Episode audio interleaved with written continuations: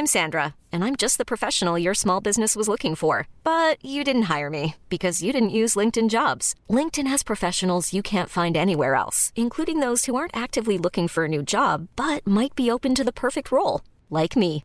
In a given month, over 70% of LinkedIn users don't visit other leading job sites. So if you're not looking on LinkedIn, you'll miss out on great candidates like Sandra. Start hiring professionals like a professional. Post your free job on linkedin.com/achieve today.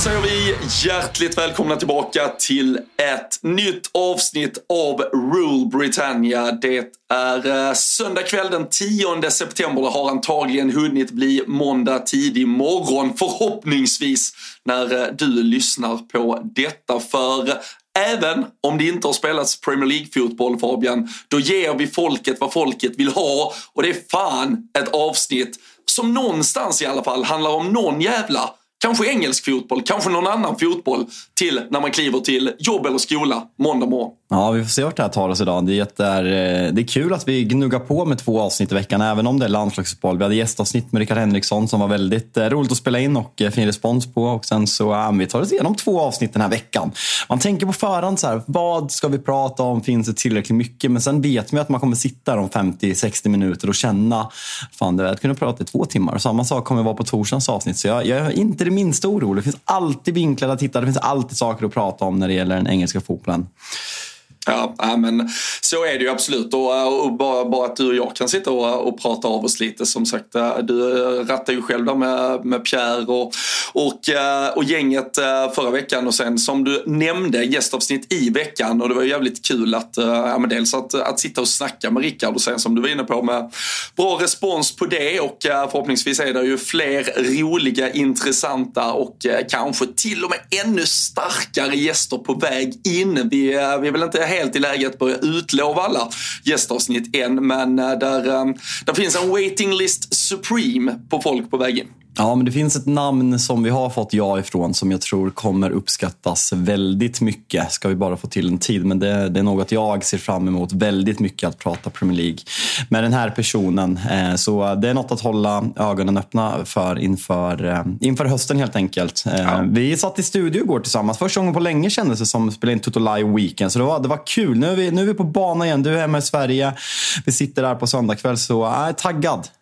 Ja, men det, det, det, är lite så eh, faktiskt. Nu känner jag, jag hade ju liksom den där ja, men lilla, lilla trippen till, till Spanien förra det, det blev någonstans, det förlängde sommaren. Sen har ju vädret fan också gjort att det känns som att man har förlängt sommaren. Det har ju varit så fan jävla kontinentvärme här nere i, i Skåne i alla fall eh, den här helgen, eller hela förra veckan egentligen. Så jag känner väl att typ nu går man tillbaka in i rutinen ungefär. Det, jag förstår att många har varit tillbaka i någon form av vanligt livspussel länge kanske, men uh, nu tycker jag att uh, man börjar känna att uh, efter det här landslagsjobbet, då är vi fan, då nu går vi in i hösten. Nu ja, då är det Premier League, det är Champions League, Europa League för vissa och eh, allt som, eh, som det hör till. Så det, eh, men det, ska bli, det ska bli kul, allt det vi har framför oss. som du sa, i veckan så, så blir det lite mer liksom uppsnack inför helgen. Kanske att vi plockar in lite, lite supporterröster. Men, eh, men det här blir ju någon form av eh, ja, men, litet potpurri av eh, den landslagsfotbollen som har spelats. Vi har ett par andra rubriker vi såklart ska ta oss igenom. Och vi kan väl också på tal om, och du nämnde att vi satt i Tutu Live Weekend-studion igår, nämna att vi sen också nästa vecka här, alltså lördag om sex dagar eller fem dagar när man lyssnar på det här, har en hel dag framför oss också. Så, så tycker man att man inte har fått tillräckligt redan så är det fan ännu mer på väg också. Ja men verkligen. Alltså, Liverpool spelar ju 13.30. Vi spelar in Tutolai Weekend som vanligt 11 till 13. Sen spelar Liverpool alltså 13.30. Manchester United 16.00. Så uh, för ah, contentets skull så hoppas man ju nästan att något av lagen förlorar. För det blir ju det blir mer underhållande då. Vi har en, Skulle ett... du kunna kanske tänka dig ta den kulan? Nej, men alltså, jag... det är så mycket mörker i mitt uh, supporterliv nu och min klubb. Det är så mycket mörker. Det har redan funnits typ memes på mig när jag har suttit i livesändningar när, när United släpper in mål. Jag kommer inte ihåg mot vilka det var, Young Boys eller vilka fan vi mötte i Champions League för några år sedan. Det, det, det är dags för lite positivitet i mitt liv, Robin. Ja, men det, det, det, det förtjänar du och äh, vi ska ha jävligt kul eh, på lördag där men äh, mycket, mycket kvar som ska hända innan dess. Äh, med tanke på att vi trots allt är en Premier League-podd, med tanke på att vi trots allt kanske främst följer och bevakar den engelska fotbollen så får vi väl börja med den ganska, eller då kanske jag är snäll, kanske väldigt deppiga insatsen som England stod för i Polen. Uh, visserligen, det var ju bortamatch mot Ukraina, men uh, spelades i Wroclaw. Och det blir bara 1-1 efter att uh, dels, uh, just på tal om Premier League och bekanta ansikten, uh, Sinchenko målskytt och även Kyle Walker. Men en stumme i England som fortsätter bestå av Jordan Pickford i målet, Harry Maguire i försvaret och Jordan Henderson på mittfältet.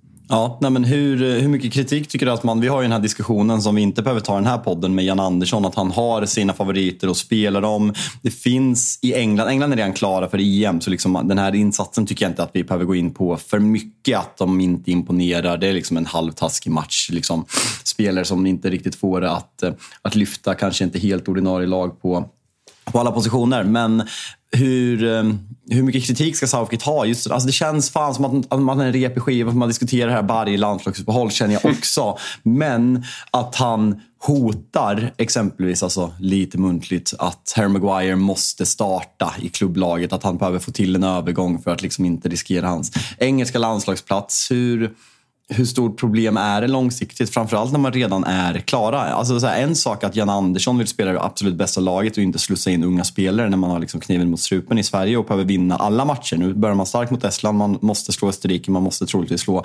Belgien också. England har ju möjlighet och har haft möjlighet ganska länge med den här generationsväxlingen. Alltså, Ramsdale blev av många utsedd till årets målvakt förra säsongen. Pickford är enligt många den sämsta målvakten i hela laget. Harry Maguire är femte, sjätte val som mittback i Manchester United. Jag jag fattar inte.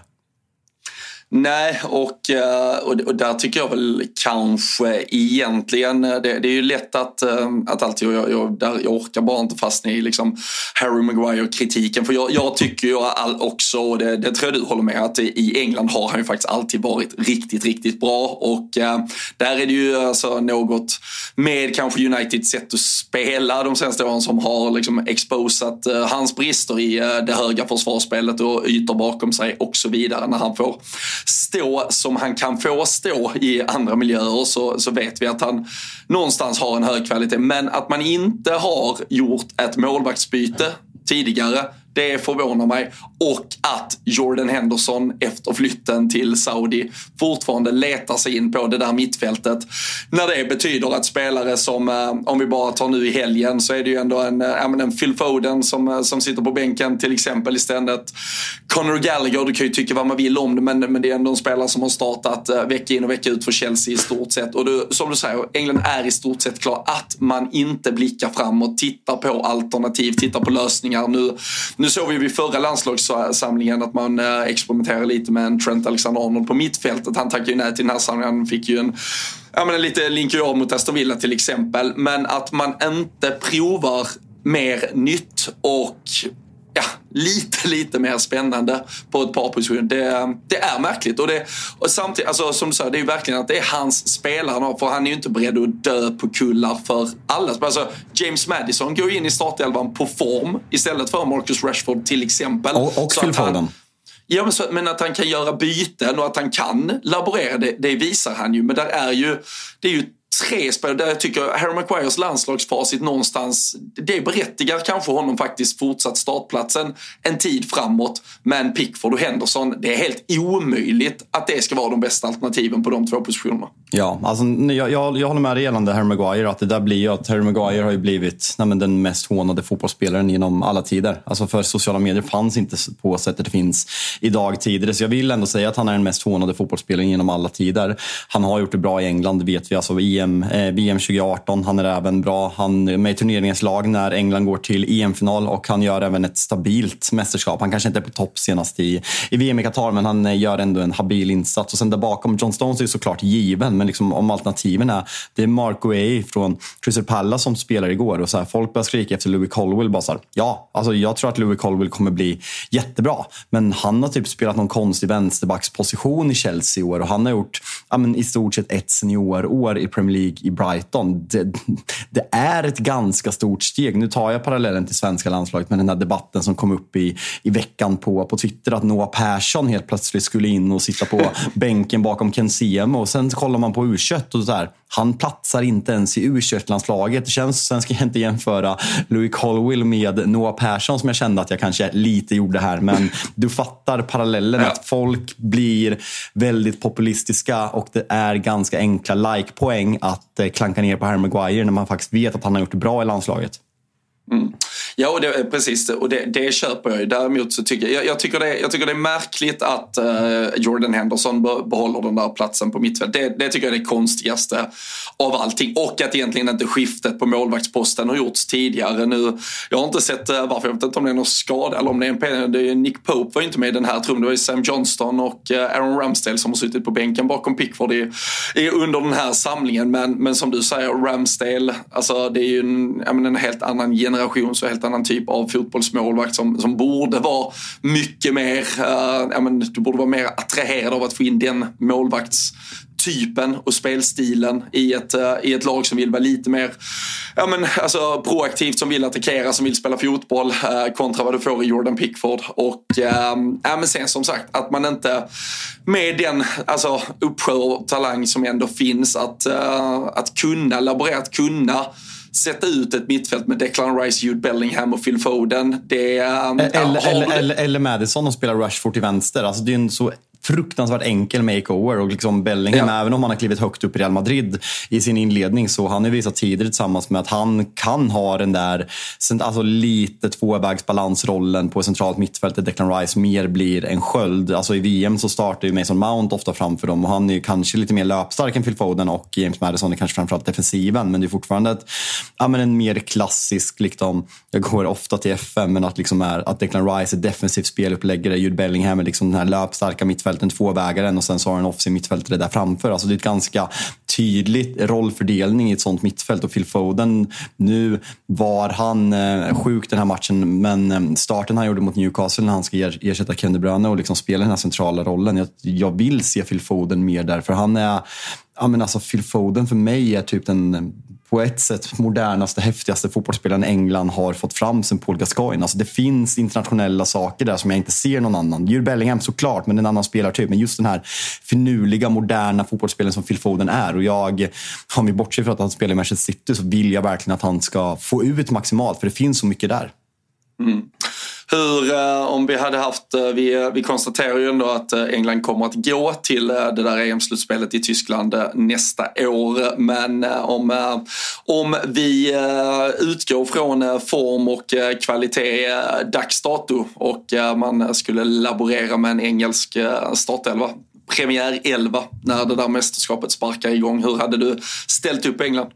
Alltså, det är svårt. Alltså, jag, alltså, det är om och nu är det helt och hållet du. Nu lägger vi inte ja. in liksom med så här, nej men Southgate kommer nog ändå välja så här. Ja, okay, helt jag, och hållet. Jag kör mitt lag lite fort på, på volley. Jag ställer Ramsdale i mål. Jag spelar med Reece James som högerback. Jag spelar med John Stones och Louis Colwell mittback. Jag spelar Luke Shaw vänsterback. Ett treman mittfält med Declan Rice, Jude Bellingham och Phil Foden Eh, Marcus Rashford vänster, Harry Kane center forward och eh, Bakuyo Saka högerforward. Ja, men då, har vi nog, vi skiljer oss nog en, en del i alla fall. Jag, jag hade absolut spelat Kyle Walker istället för Reece James uh, som högerback. Reece James i en uh, fyrback är inte alls något jag imponeras uh, Nej, jag, jag, jag köper. Köper det. Så där, där, tror jag. Sen, sen hade jag nog valt uh, Grealish uh, till vänster istället för uh, Rashford. Och, jag är så nära på att klicka nu. Sen får vi se om jag låter eh, Foden starta eller jag petar upp eh, Trent på mittfältet och spelar med Declan Rice och Jude Bellingham. Tänk Trent och Bellingham tillsammans. Fy fan, det är ju ruskigt. Alltså, äh, han var, var agent va? Han var agent, han skulle komma till Liverpool. Ja, men, och, och, och, det är så jävla fult, för de fortsätter också hålla på. Typ som när, när Trent gör en bra match, han lägger upp något uh, three points och uh, jag menar assist och skit efter förra veckan. Och så kommer Bellingham där med att uh, han är någon jävla kung hit och dit och de skriver till honom. Sluta vara så jävla snälla mot varandra. Jag vill inte, jag vill inte tro att ni är vänner. Hata, hata mer. Varandra. Hata mer. Ja, alltså, hata, hat, mer, ha, mer sprid mer hat. Ja, det är vårt budskap. Ja, precis. Det, det vad podden står, står bakom. Vår mm. officiella hållning uh, i uh, alla frågor egentligen. Jajamensan. Men, äh, vill, ni hata du, på, vill ni hata på Robin på Twitter? Kör! Hata på! Det, det, det, det, det är det många som redan gör. Det. Jag tror inte, behöver inte uppvigla och uppmana till mer där. Nej, Men sant. du, för ett, ett landslag som just faktiskt England ska gå upp i träningsmatch mot på tisdag. Och det här måste jag säga. Vad tycker vi om det här? Vi, vi har pratat lite om det. Det är ju lite som att eh, Liverpool och Manchester United ska träningsbara. Och det har ju hänt på sådana här deppiga jävla Asien och USA-turnéer. Men alltså Skottland, England, träningsmatch på tisdag. Det är ju helt fel. Jag, alltså, jag, hat, jag hatar det. Jag hatar det. Ja, du hatar igen? Jag, jag hatar. Jag hatar. hatar. Ah. Nej, men som, ah. som du säger, det, att, man, att man spelar sådana här rivalmöten i träningsmatcher och kanske ännu värre såklart när det är klubb, klubblagsmatcher. Liksom, United och Liverpool ska inte mjölkas ur i USA. Sen fattar jag liksom, det, det handlar om pengar. Alltså, det är ju det är dit man kommer oh, väldigt ofta när man, när man diskuterar sådana här saker. Att, och att det är de största mötena som genererar flest intäkter för liksom, eh, både klubbarna och eh, hela arrangemanget om vi tar försäsongsturnéer i USA. Men samma sak här. Alltså England, Skottland, man vill ju ha liksom, det ska ju vara, man ska ju mötas så sällan. Det är som när Ja, men du, du vet ju själv, nu har ni mött Real Madrid ganska mycket de senaste säsongerna. Men att möta Bayern München, att möta Real Madrid, att möta Barcelona i Champions League. Det ska vara något speciellt. Det ska inte kännas så här, men de mötte vi förra försäsongen och sen mötte vi dem där och sen var det någon supercup. Det ska liksom vara ja, men så här, var, var fjärde år och det ska, vara liksom, det ska koka. Det ska vara ett dubbelmöte, gärna semi, kvartsfinal, semifinal och framåt. Det, det känns som att det blir urmjölkat på träningsmatchen här. Ja, och man vill ju att Skottland England är en sån total utskjutning som EM-finalen 21 ungefär som vi snackar med, med Rickard Henriksson om. Liksom. Det, det, ska ju vara alltså, både, både fylleslag och i stort sett blodbad på alla sätt och vis liksom, inför. Så äh, lite, lite trist med, med träningsmatch där, men äh, det som ändå ger matchen hetta nu är ju att Skottland är ju i sinnes sjuk form. De har alltså tagit 15 av 15 möjliga poäng i det här eh, kvalspelet. Man eh, ligger ju, ja det är ju de framförallt som säkerställer att Norge inte går till EM, vilket bara, det är ju bara att tacka och, eh, ja men, alltså otrolig kärlek till Skottland bara över det faktumet. Men Spanien också ett par pinnhål bakom dem just nu och de leds ju framförallt av super fucking Scott McTominay. Sex mål har han gjort på de här fem matcherna. Och eh, nej men alltså det är ju så skilda världar mot, uh, mot den McTominay och det man ser honom prestera normalt. Eller man ser ju honom inte prestera överhuvudtaget. Och så går han bara ut och är sån otrolig kung för detta Skottland. Det var det här som gjorde att jag kände att, ja, men för McTominays skull, att man verkligen unnade honom den här flytten till West Ham i somras. Och sen kan jag ibland känna också att kollar man på vissa prislappar, McTominay är underskattad för att han har spelat i ett dysfunktionellt Manchester United i en position som inte passar honom. Men skulle han spela i David Moyes lag och få rätt position som liksom är stöpt efter honom så tror jag att han skulle kunna göra, tänkte jag att han skulle göra kaos. Känslan att Scott McTominay väldigt sällan gör kaos, men du fattar, du fattar vart jag vill. Eh, han, ja, men ser man vad, vad vissa spelare kostar så tycker jag att Scott McTominay skulle kunna vara på den nivån och liksom få, ja men, ja men i ett West Ham-lag, jag tror han hade varit helt otrolig. Så att det bara pratades om 30 miljoner pund tyckte jag var ja men lite litet. Och tar man för honom personligen tycker jag att det är tråkigt att han inte fick flytta. Nu tar United även in Amrabat. Eh, sen så får vi se om det blir mer speltid nu. Vi eh, kommer ju prata om eh, en viss eh, högerforward kanske lite senare i podden. Men han kommer mm. inte finnas i Manchester Uniteds trupp framöver. Så det öppnar upp möjlighet. Dels på den där höger ytterpositionen som kanske Bruno Fernandes eller Mason Mount kommer flyttas ut på. Då kommer en lucka centralt, kanske lite mer offensivt, i en tvåvägsroll öppnas upp för Scott McTominay i Manchester United också. Ja, du ser också hur, hur egentligen äh, givmild med, med kärleken jag är när jag fokuserar äh, Skottlands triumfer på just Scott McTominay och inte landslagskaptenen Andy Robertson som såklart egentligen är den stora fanbäraren och Braveheart-ledaren längst fram i ledet. Nej, jag är så trött på honom. Fy fan, fy fan. Hat. Där känner jag hat på riktigt. Där känner du hat. Men faktumet att Skottland säkerställer att Norge inte går till EM i alla fall, det, det måste vi ju verkligen understryka hur uh, otroligt viktig den insatsen är från skottarna. Ja, nej, men det, det uppskattas ju verkligen. Det är ett favoritland här i uh, Rule Britannia som uh, tar bort norsken, som tar bort Martin Ödegård, som tar bort Erling Haaland från ännu ett mästerskap. Det är total gåshud såklart. Ja. Tittar man eh, bredvid McTominay eller tillsammans med McTominay i den där eh, skytteligatoppen under EM-kvalet så är det ju faktiskt, det är ju idel Manchester United-prägel på det faktiskt. Det är ju Scott McTominay på sex kassar, Rasmus Höjlund på sex kassar och Romelu Lukaku. Alltså där har vi bara en connection och koppling men eh, sex kassar där med. Det, det är ert EM-kval det här. Och Krickan där bakom på delad andra plats också. Ja, precis det... på fem också. Och sen Exakt. Mbappé som snart spelar United på, på tre, del, delad femte, tredje och. Och Harry Kane som absolut inte var intresserad av att gå till er också. Så det är mycket United. Ja, nej, men, ja, ja, och Bakoy Saka som spelar i rött som United också gör. Så det, det är väl bara Amdoni, eh, Schweiz dock. Också röda tröjor. Ha. Har vi? Ja. ja. Ska vi, du, du har umgåtts för mycket med Kristoffer Svaneman när du uttalar Schweiz. Ja, men jag, jag kan inte. Jag, jag orkar inte. Låt mig vara. Switzerland. Okay. Gå på det engelska. Alltså, vad, vad jag än gör så är det fortfarande bättre än Gustaf Fridolin.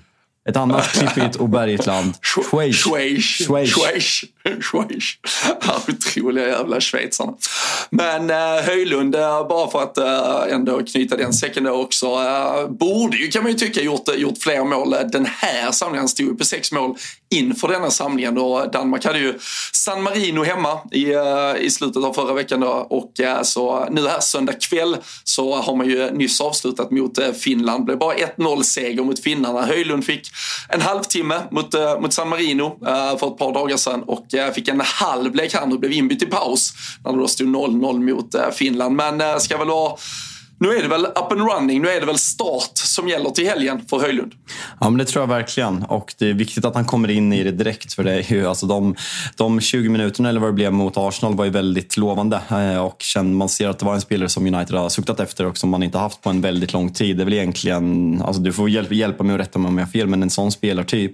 Liksom en kraftfull, så snabb anfallare, liksom en power forward. Eh, det är ju liksom från Rooneys prime dagar sen, sen man såg en sån spelare. Cavani hade det ju, men han var ju liksom extremt åldrad när han kom till Manchester United. Så eh, att ha en nia fungerande. Martial hade ju liksom, han lurade ju alla att han var bra där i sin premiärmatch mot, eh, mot, eh, mot Liverpool. Annars har det inte blivit så mycket roligt för de där ganska högt spenderade pengarna för Anthony Martial. Så att ha en nia som förhoppningsvis blir lyckad. Sen är det ju så här, han, han är ju fortfarande jävligt oprövad och väldigt ung. Så det får man inte glömma. Så det är svårt att sätta vart man ska sätta förväntningsnivån inför den här säsongen. För det känns som att väldigt många Manchester United-supportrar ja, sätter väldigt stor tilltro till vad Rasmus Höjlund ska göra. Att mycket kommer lösa sig när han kommer in. Och liksom, kollar man på hur det sett ut, det är ett svagt kontrollerande mittfält. Det kommer inte Rasmus Höjlund gilla. Att, att Casemiro helt plötsligt får bättre sköld på mittfältet, det kommer inte han göra något åt. Men det ska bli kul att se honom från start mot Brighton. Mm. Ja, vi får se. Han, fan, det är alltså Brighton vi ska möta när vi ska kolla live Robin. Det är ju fan alltså. Det vet du exakt hur det kommer gå va? Ja, ja, ja det var premiärförlusten förra året va? Var väl hemma mot Brighton? Jajamensan, 2-1. Ja, men det är favorit i repris. Och äh, man kan väl också konstatera med Höjlund nominerad till, eh, de släppte ju ja, men alla de här olika Ballon d'Or och övriga nomineringar till eh, diverse priser som väntar här. Det är väl någon gala, om det är 30 oktober tror jag sen i, i Paris, allt eller så. Men bland de unga då, det är väl Coppa Trophy, heter den, till Europas bästa unga spelare. Höjlund, en av tio nominerade där. Jude Bellingham, eh, Alejandro Balde, eh, Gavi, Jamal Musiala, Eduardo Camavinga, Pedri, Xavi Simons, Antonio Silva och Elie Vahi. Eh, vi kan väl konstatera att Höjlund kanske är sist på den där listan. Dock, Nej, ja, ja, Ty, ja. Åtta, åtta, nio. Ja, det är väl inte omöjligt.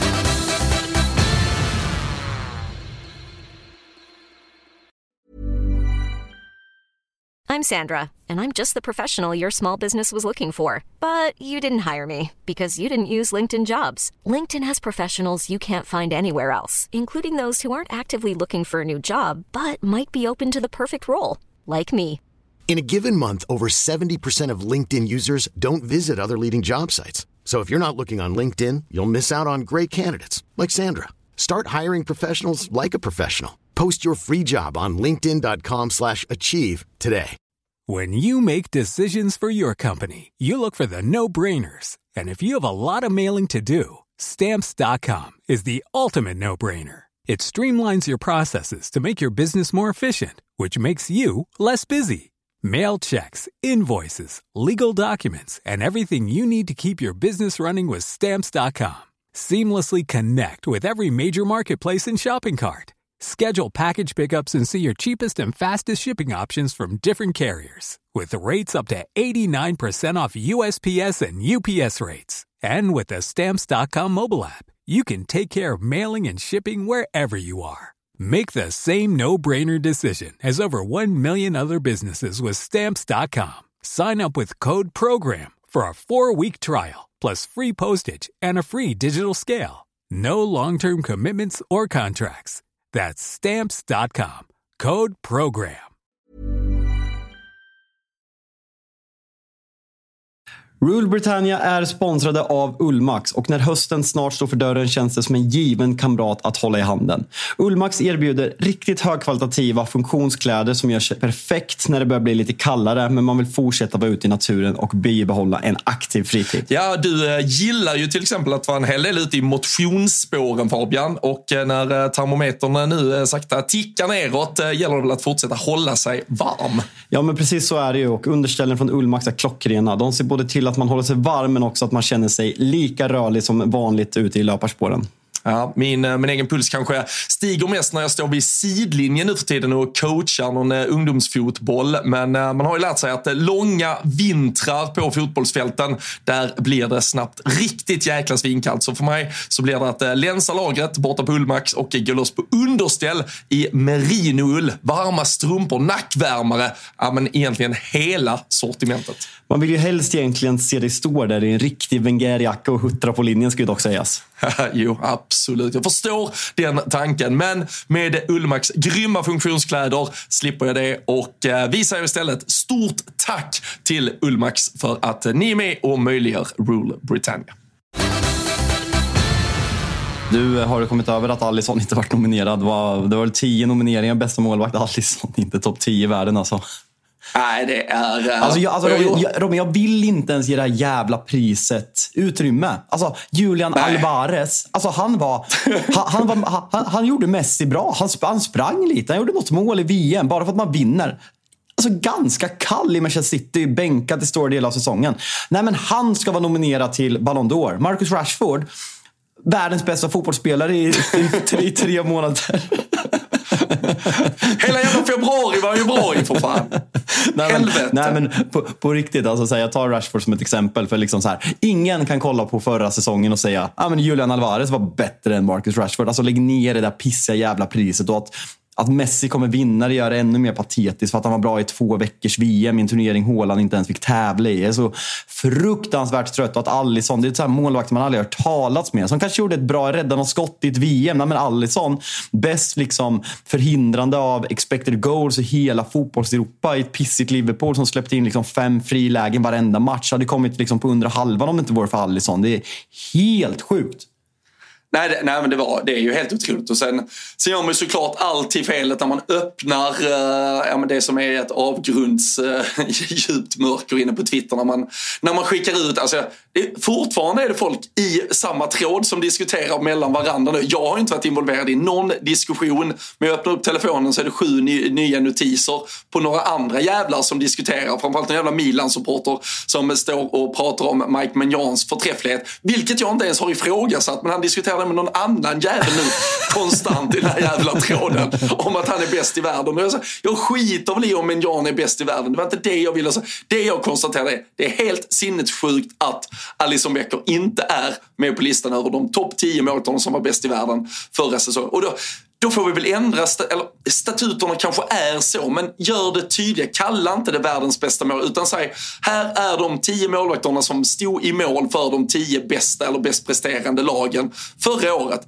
Vi har alltså målvakterna som äh, menar, Martinez för att han vann VM, äh, men Jan för att äh, men Milan tar sig ändå till, vad är det? Alltså, alltså, alltså, alltså, men Jan är ändå rimlig, men typ ja, men det, det, absolut, typ absolut. såhär, Yasin Bono, Ma Mar Bono, Marocko. ja, men det, det, det, ja, precis. Och Onana, det är ju för att Inter går långt. Livakovic för att Kroatien gör ett fint mästerskap också.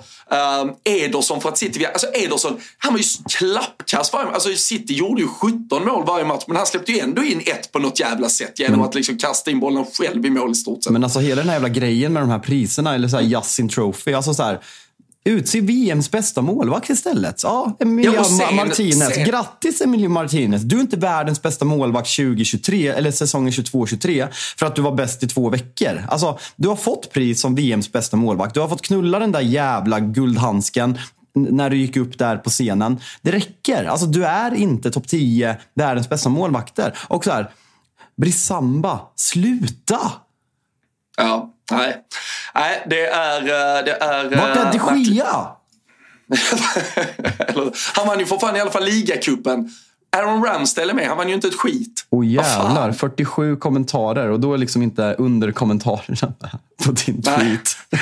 140 147 000 visningar. Det, det är helt... Jag, jag, fick ju stä, jag drog ju tre batterier om dagen här de senaste dagarna. Liksom, så det, Fan, det hade jag missat. Ska jag ta fram popcornen sen innan jag lägger mig? ja, ja, det är bara att njuta. Det är, det är sjuka diskussioner faktiskt. Men, ja, men så är det. Det, det är kul att det berör i alla fall. Men eh, nej, de där listorna kommer vi inte att fastna mer i. Det, det är det annat eh, folk som eh, har gjort. Men eh, Mohamed Salah kommer väl såklart vinna Ballon d'Or. Tänker jag i alla fall. Enda Liverpool-spelare Men, som är på den. Men gällande Mohamed Salah, var du något... Känslan var väl senaste dagen att det kommer inte ske, men var det någon oro eller? Nej, faktiskt inte. Vi, vi satt, eh, jag gjorde LFC-podden som, eh, som vi gör vid sidan av här där vi eh, enkom pratar Liverpool. Den satt vi och gjorde under torsdag förmiddag. Vi, man hade ju inte full koll på vilken tid det där saudiska fönstret stängde heller. Det, det helt fanns, det det. fanns så ingen tid. Det var nog så här, om. Sa- när Salah blir, blir klar, stod det så här i, i paragraferna. Lite sådär. Nej, men så eh, vi, då, då satt vi under ehm, ja, men morgon, förmiddag och eh, konstaterade att skulle det hända, det, det vore liksom för eh, sinnessjukt. Jag, jag, jag tror jag gav det liksom 3% sannolikhet att det till slut skulle gå igen. Så det, jag, jag var ganska på det klara med att det inte skulle bli. Och jag, jag tycker ju också det, det är helt rätt. Vi, vi har diskuterat, ja, men både här och i, i andra forum, att det, det finns inte en möjlighet för alltså, Nu hade det ju varit alltså, helt omöjligt att göra något här och nu, men även i januari så hade du ändå inte kunnat återinvestera de pengarna. Du hade inte kunnat få, få sportslig utväxling på, på kort eller egentligen lång sikt, utan det får vara ett större projekt för nästa sommar och eh, alltså, de pengarna Saudi erbjuder nu de kommer erbjuda lika mycket eller mer. Eller så har luftslottet sprängs. Sprängs fan vet liksom. Men eh, för Liverpools del så var det ju helt rätt att, eh, att behålla honom. Jag, jag antar att man även som en konkurrent och konkurrerande klubb tycker att Liverpool är ett, ett tuffare motstånd om Mohamed Salah stannar än att FSG sitter med 200 miljoner pund på banken.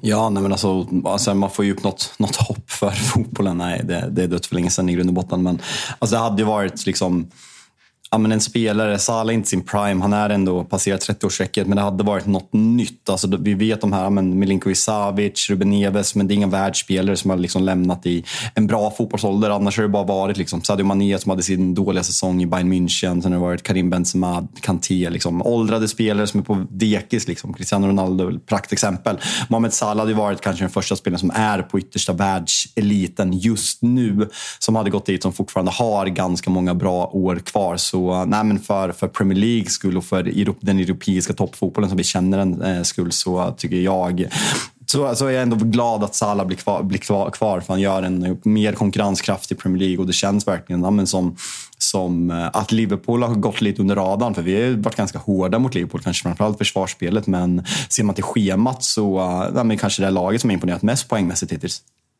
Nej men så är det ju. Det är alltså 10, 10 poäng av eh, 12 möjliga när vi har haft eh, Chelsea borta, vi har haft Newcastle borta, Aston Villa hemma som eh, dels var, var uppskrivna av många på förhand och, och sen fick de den där stjärnsmällen mot Newcastle i, i premiären men sen har de ju faktiskt varit riktigt bra. Jag tror de hade fyra, för de har ju varit ute och ja, men conference-kvalat lite annat så de hade ju fyra, fem raka vinster och börjat ösa in mål dessutom. Fått lite träff där på Moussa Diaby bland annat och ja, men fått saker och ting och började stämma och det var ju en match där Liverpool verkligen städade av dem. Så uh, trots då uh, ja, men två matcher med, med röda kort, uh, som du säger, försvarsmässiga haveri på, på ett par ställen.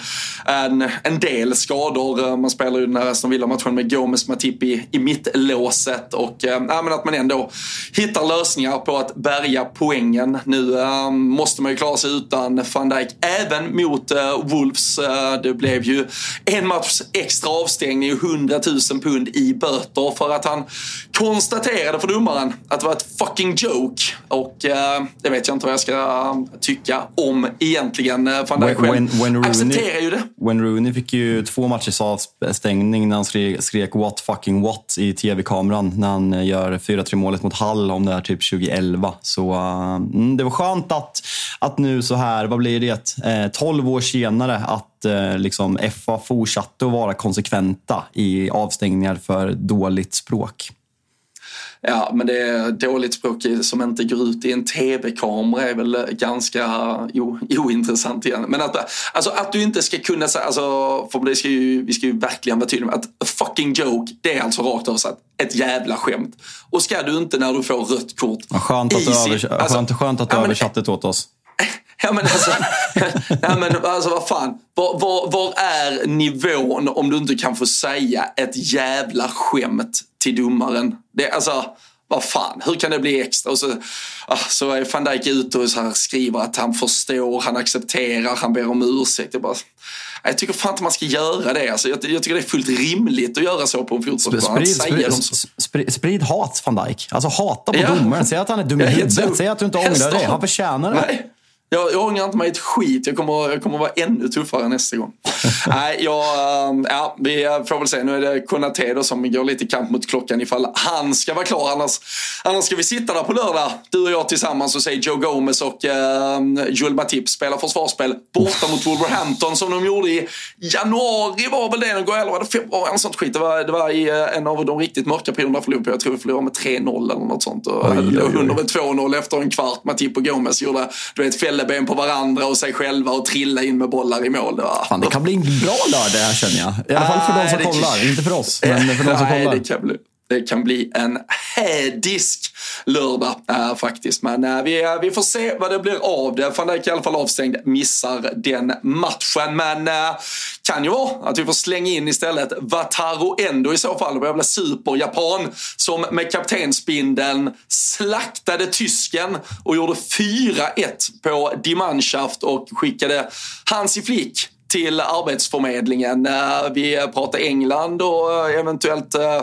ja men inte favoritskap, men med vilka känslor de ska gå till ett mästerskap nästa sommar med. Alltså hela havet stormar i hemmanationen inför detta i alla fall. Ja, men det kan man lugnt säga. Nu ska vi inte in på Tyskland, men jag, jag, jag, jag, jag hade faktiskt ingen koll på hur dåliga de har varit. Men man har ju alltså fyra förluster och ett kryss de senaste fem matcherna. Eh, sen är det mycket här, alltså det är dels lite Nations League, men framförallt träningsmatcher eftersom man spelar hemma, hemmamatcherna. Men alltså kollar man samtidigt på laget, alltså det är inte så jävla kul som det har varit med Tyskland tidigare. Det är liksom ett centralt nej, Det är ju Kai Havertz med... som ska leda det och vet vi att det går åt helvete. Ja, nej, men Kai Havertz här, ja, men här ska han spela i någon Xhaka-roll här? Nej, här är han nia. Det är, det är klart att Kai Havertz ska vara nia i landslaget och göra någon mål. Ja, men det... det, är klart att nej, fan, vi lämnar Kai Havertz nu. Jag orkar inte. Jag kommer bara få hat. Dock uppmuntra.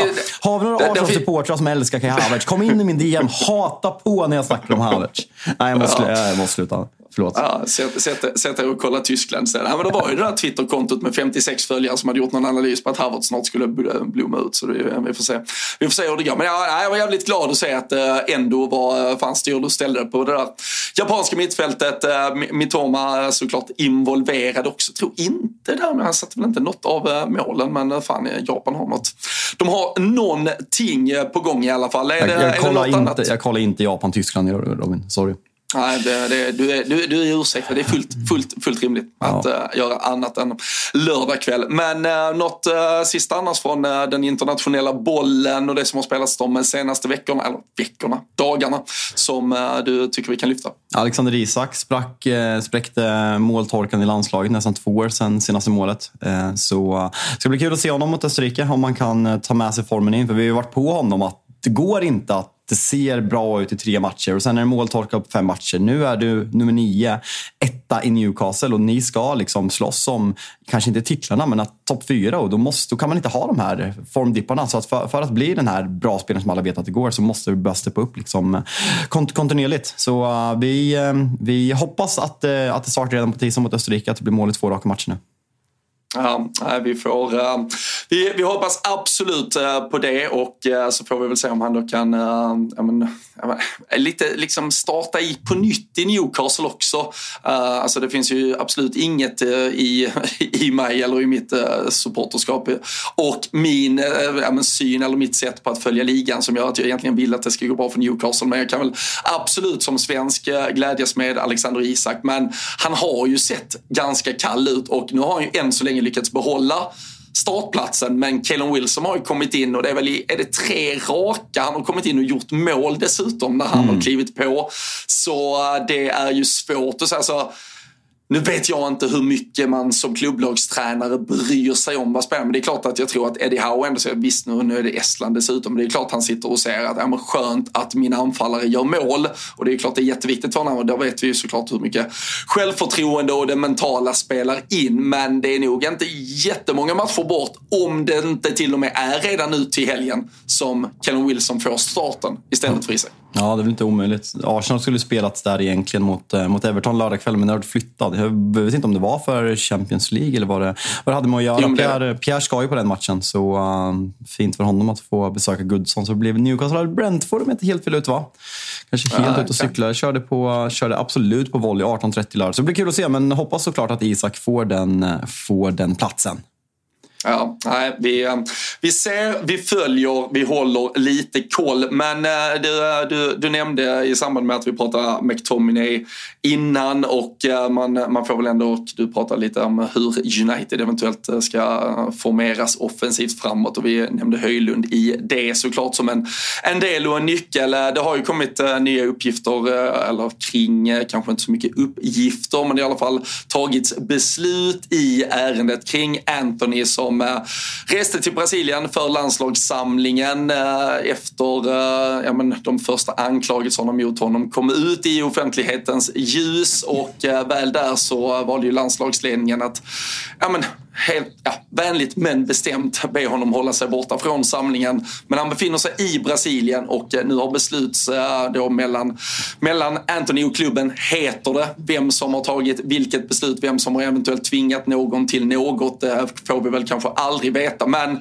Anthony stannar tills vidare i Brasilien för att eh, i något första läge i alla fall besvara de anklagelser som står mot honom nu. Sen eventuellt väntar ju rättegångsprocesser och annat, det kommer ju bli något mycket större. Men vi står nog i en situation där det kanske tar ett tag till att eh, Anthony spelar fotboll för United igen. Det är känslan. Alltså han började med att, om det var i fredags, eh, prata ut om situationen i brasiliansk tv. Och eh, grejerna, det var ju liksom, det är tre eh, olika eh, personer som har gått ut med liksom, information att han har begått brott gällande liksom, våld i, i hemmet mot de kvinnor allihopa. Och det är, alltså jag, jag kände verkligen alltså, när hela den här grejen kommer ut, liksom, det har varit så fruktansvärt mycket med Manchester United de senaste åren. Det började med alltså, värvningen av Cristiano Ronaldo, Ryan Giggs satt på hedersläktaren som under den tiden var, alltså, var under utredning för våld i hemmet. Det är ett, eh, var situationen med Mason Greenwood. Det kommer ett eh, alltså att Qatar ska ta över och jag, jag har liksom känt, alltså så här, det, det, har varit jobbigt och liksom så här, hela situationen med Manchester United. Men jag känner nu liksom att Mason Greenwood var över, ägandeskapet, liksom, man är van, man är trött på det. Nu vill jag bara fokusera på fotbollen och sen så kommer det här. Och så här jag, jag, jag, är inte lika... Jag vill inte ha katariska ägare, låt mig vara jättetydlig. Men jag är inte en sån som jag älskar Manchester United Football Club. Alltså det, det, det, är en stor del av mitt liv och kommer alltid vara det. Vem som äger klubben gör påverkar inte mina känslor. Jag håller inte på klubben för att Malcolm Glazer, eller Joel, Malcolm Glazer död för länge sedan. Joel och Abraham Glazer och deras syskon äger klubben. Alltså det, det, det, spelar ingen roll. För mig är klubben större än allting. Men när det liksom kommer såna här saker, alltså det börjar ta på riktigt Robin. Alltså, och det är, det är så jävla jobbigt. Ja, det, alltså, det, det är verkligen jättejobbigt. Och med, med Anthony, sen, samtidigt, alltså så här, han är inte dömd eh, och det, det, blir ju så här en, en konstsituation. Jag tyckte att The Athletic skrev en väldigt bra förklarande eh, artikel gällande det här. För jag har själv så undrat, men varför, vad heter det, kan vissa spelare nämnas vid namn. Exempelvis ja, men Mason Greenwood var ju liksom för att det kom ut med bilder och ljudinspelningar och allting. Och sen nu även Anthony. Och sen så har du en spelare i Arsenal som är fortsatt under utredning. Som springer omkring vecka ut och vecka in och liksom slogs om en ligatitel förra året. Som ja, men i stort sett ingen pratar om. För att det finns ingen offentlig utredning där han har namngetts. Men alla vet om det. Arteta får ingen fråga om det här. Och samma sak var det med Benjamin, eh, Benjamin Mendy. Som innan han, han sprang liksom liksom runt om han ligatitlar med City när hela City visste om alla de här anklagelserna som fanns mot honom. Så det är patetiskt. Alltså här, jag vill att fotbollsklubbar ska, när de vet om en sån här sak, alltså han, är han proper fit att representera vad din fotbollsklubb står för? Nej, tycker du det så är du helt dum i huvudet. Att Arsenal väljer att göra sådär, att Manchester City väljer att göra sådär. Jag vill inte liksom, det här är verkligen inte för att berömma Manchester United. Det blir ju som att Manchester United blir tvungna att ta det här beslutet bara för att det blir offentligt. Och för mig ska det behöva bli offentligt för att man ska behöva ta beslutet att man ska ha en, nej en, eh, en misstänkt liksom, som eh, står för våld i hemmet som springer omkring på sin plan och representerar din klubb. Jag tycker att det är så jävla ovärdigt att det ska behöva gå dit, att det handlar om att man kan namnge en människa i tidningen eller inte. Ja. Nej, jag, jag, jag, jag köper eh, problematiken kring det och det, det är ju alltid när det är ganska nytt som det, som det är i detta fallet så är det ju svårt att uh, ha, ha, ha, tillräckligt kanske med kött på benen för att ens försöka uttala sig eller försöka veta på, på vilket ben man ska stå. Så eh, jag tycker det. Men uh, att, uh, att klubben åtminstone är tydliga med att om nu, som jag har förstått det, de här menar, anklagelserna har riktats alltså, om säger, i Brasilien, att det är en situation som i så fall ska försöka redas ut där och att man då säger, men stanna där lös det, kom tillbaka, sen är saken utagerad istället för att man, som vi också har sett med andra, någonstans flyr rättvisan för att istället försöka skjuta saker och ting framför sig. Hur länge som helst eh, så, eh, så är ju detta ett, ett mycket bättre sätt. Sen, eh, sen finns det ju tyvärr såklart en, en risk att det kan vara så att han har begått något brott här, att uh, han fälls och att uh, ja, men, saker till ja, att, det, att det blir värre. Men jag tycker det är, det är väldigt klokt från klubben i alla fall att uh, vara tydliga med att han ska stanna där han är tills man i alla fall vet väldigt mycket mer och har en tydligare bild av vart det eventuellt är på väg. Ja, men verkligen. Alltså, jag tycker ändå att Manchester United har agerat vad man kan göra hittills. Jag vill vara tydlig. Liksom, det var ingen whataboutism liksom, förra att någon klubb gör rätt och någon klubb gör fel. Jag tycker bara att hela situationen är, är ovärdig och jag är jävligt less på det. Eh, gällande Anthony så han, ju, han utreds ju dels i Brasilien har han ju liksom ett case mot sig men även liksom av The Great Manchester Police för att många av de här, om det är två av kvinnorna så har, ju, har det ju skett i Manchester så han har ju en utredning mot sig. Även i Manchester så eh, det, jag, jag, jag vet inte hur rätt, äh, rättssystemet funkar funkar, liksom, hur det funkar i Brasilien, hur det funkar i England. Men det, det, nu, nu suttit, jag, jag har suttit och hyllat dem så är det egentligen bara att de vill att han ska hålla sig undan rättvisan i Manchester ja, istället. Nej, jag vet fan. Får jag bara ja. fråga dig en sak gällande det här? Vad, vad ja. tycker du? Alltså så här, nu är inte jag utbildad journalist, journalist men att eh, Victor Nilsson Lindelöf får frågan när han sitter eh, lagkapten för svenska landslaget, att han får frågan hur stämningen är i Manchester United, situationen med Mason Greenwood och Anthony. Alltså vad fan ska Victor Nilsson Lindelöf svara? Alltså, du ställer frågan för att du ska göra ett grävande journalistiskt jobb, men vad fan, du vet, jag, du vet exakt vad han kommer säga.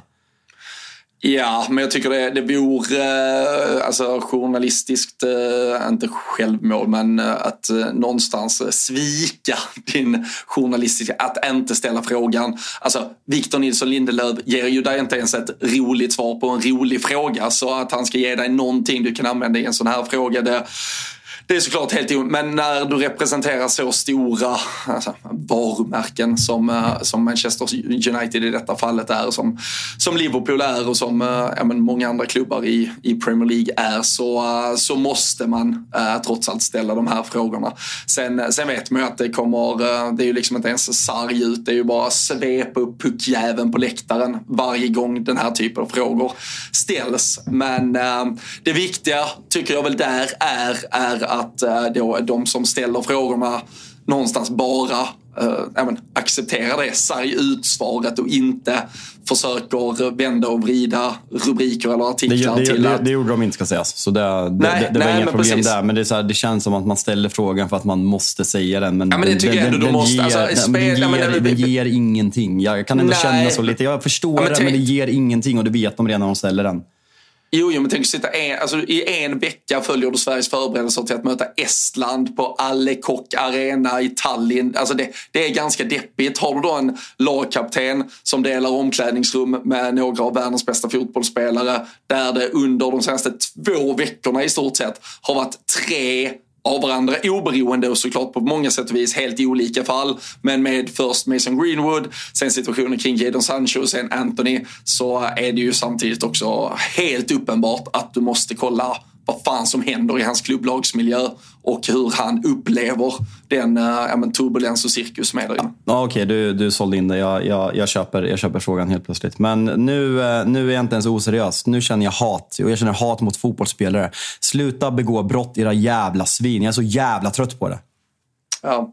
Ja, det är väl eh, ty tyvärr det vi bara måste konstatera. Jag vet inte, orkar vi, orkar vi en vända till i, i, Jordan Henderson eh, och hans eh, fullständiga haveri till järnverksamhet? Eller känner vi att vi bara ska stänga den jävla boken en gång för alla och så låta honom ruttna i öknen? Ja, alltså det känns väl sagt, men alltså han hade ju möjligheten att eh, liksom tala ut. Men eh, vissa citat han drar, alltså herregud, jag har ändå haft respekt för Jordan Henderson som människa. Men den är all världens väg bort borta efter den där intervjun. Han sitter och säger att han vill gå dit för att förändra men att man samtidigt måste respektera olikheter i olika kulturer. Eh, måste man respektera det när det är liksom dödsstraff för att man, är, för att man gillar eh, ett annat kön? Eh, jag vet inte om man behöver respektera det Jordan Henderson, speciellt inte vad, med tanke på vad du har gjort för det communityt i, eh, i Liverpool. Men vi, vi, vi, eh, ska vi inte cancellera av den där jäveln eller?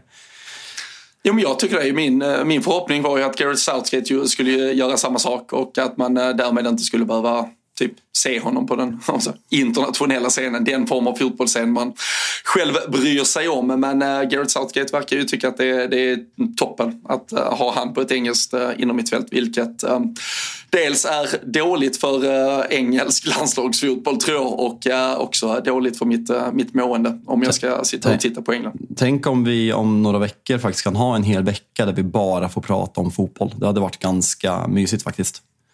Ja, men det tror jag. Nästa vecka så börjar ju dessutom det europeiska kuppspelet. Så vi, eh, vi, vi, vi ska fan, man ska ha förtröstan och eh, man ska känna ljusning bortom all jävla skit som har varit. Eh, det, det, det har ju också varit ett, liksom ett saudiskt transferfönster som stängde för bara några dagar sedan. Vi är inne i det första landslagsuppehållet här.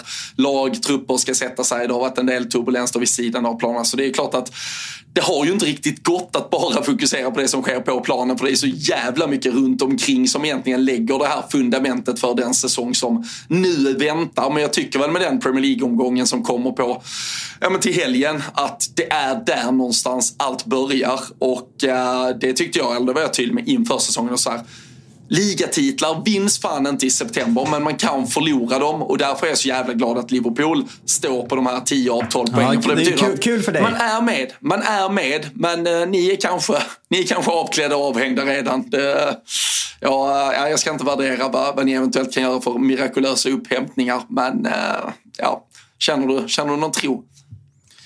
Nej, alltså fan. Alltså, alltså den här podden är inte bra för mig. Jag blir bara deppig. Alltså, jag kommer ändå hade en bra dag i Stockholm igår, löpte ett halvmara. Hade en bra kväll. Fick du det sagt? Ja, måste prata lite om min löpning. Nej, det var så jävla varmt, gick piss. Men men, eh, fick jag det sagt. Eh, fan, måste sluta, måste sluta Robin. Och sen så kommer man in vi... här och, ja, kör. Ja, men ska vi ta bara en liten till? Jag tänkte så här, så det är ju det är absolut inte, det är ju fel att säga att vi kan, kan göra något, någon, någon bokslut. Men det har ändå varit, liksom, vi har fått första delen av säsongen. Vi har spelat de här fyra matcherna. Transferfönstret har nu stängt. Vi kan blicka framåt. Ska vi bara påminna oss alla om att uh, du tippade Manchester United. Du tippade alltså City 1, Arsenal 2, United 3, Liverpool 4. Men det är väl inte omöjligt? Eh, dags att revidera där eller? Nej, nej, verkligen, inte, nej verkligen inte. I sådana fall ta ner Arsenal på femte plats. Alltså det, ja, det är det enda jag skulle kunna göra kanske. Ja, själv så sätter man ju Liverpool 1, City 2, Chelsea 3. Den är jobbig. Och United 4. Men ja. Äh, ja, jag har ju Tottenham före Newcastle i alla fall. Där är du tvärtom. Newcastle före Tottenham. Det, jag vet inte fan. Tottenham flyger. Ja, nej, men de ser, de ser verkligen ut att vara på riktigt. Sen eh, med, med bredden, vi får se. Alltså Solomon gjorde ett väldigt bra eh, startdebut senast, så det blir kul att se vad eh, Ange kan eh, fortsätta göra med detta Spurs. Det är glada, glada miner i Tottenham-led i alla fall, det kan man ju lugnt säga. Ja, ja vi, eh, vi, vi påminns om eh, hur jävla... De är till och med glada när det är landslagsuppehåll nu också. Det är, det, det är helt sjukt vad som, eh, vad som sker i det där Spurs-lägret. Men eh, vi vill ha anledning att återkomma till Tottenham, till många andra lag. Vi kommer att om några dagar snacka upp den Premier League-återstart som, som väntar till helgen. Och sen är det väl bara att gasa vidare för det kommer vara en så jäkla fartfylld höst som eh, väntar med eh, Champions League-spel och allt annat. Och eh, när Premier League väl återstartar, när Champions League och Europa League kommer igång så ska man såklart också ha koll på ATG.se för det är där man hittar bäst odds på all form av fotboll. Självklart så har de även de landskamper som väntar de här dagarna och ehm, skulle man vilja lägga ett spel inne på ATG.se ska man såklart vara 18 år fyllda. Skulle man ha problem med spel, då finns stödlinjen.se istället. Men här är det väl läge för att eh, jobba liksom eh, typ dubben då på Wolves och Brighton. Både Liverpool och United torskar till helgen när vi sitter och, och, och livesnackar och, och gråter i sändning typ. Ja, det kan nog bli, eh, kan nog bli en underhållande lördag och alltid kul Bra att ha. odds på den du. Ja, verkligen. ja, verkligen. Det är nästan så att man själv ska lägga den. Så att man, ja, men om det blir en ja, men, men, havererande det, dag så kan man ha en bra kväll i alla fall. Ja, men det blir, jag lägger ju dubben Wolves och United helt enkelt. Alltså det, är, det, är ju, det är ju totalpesten att, att det sker. Så, så får man i alla fall kanske tillbaka då fem gånger degen eller någonting. Och så, så har man lite pengar på fickan för total utskjutning sen på kvällen. Det, ja, nej, det blir en bra lördag. Vi, eh, det, det vi kan väl köra lite kortare avsnitt idag. Vi är uppe i 50, dryga 5, 52 minuter och eh, det känns väl som att vi har nått vägs ände. Och nu är man riktigt trött på landslagsuppehåll. Vi ska se Sverige spö på Österrike på Friends Arena på tisdag och sen så börjar hösten och ni hänger med oss på Tutto Live lördag 11 till 13 och sen watchlong hela jävla dagen. Men såklart så ses vi redan på torsdag igen. Ha det bra. Ciao!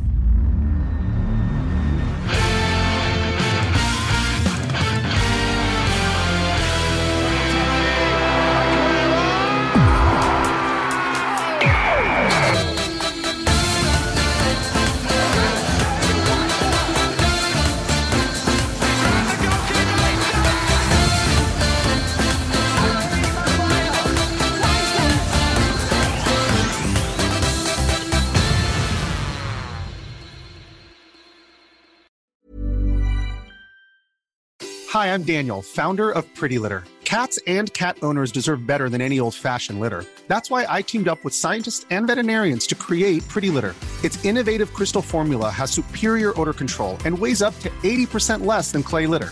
Pretty Litter even monitors health by changing colors to help detect early signs of potential illness. It's the world's smartest kitty litter.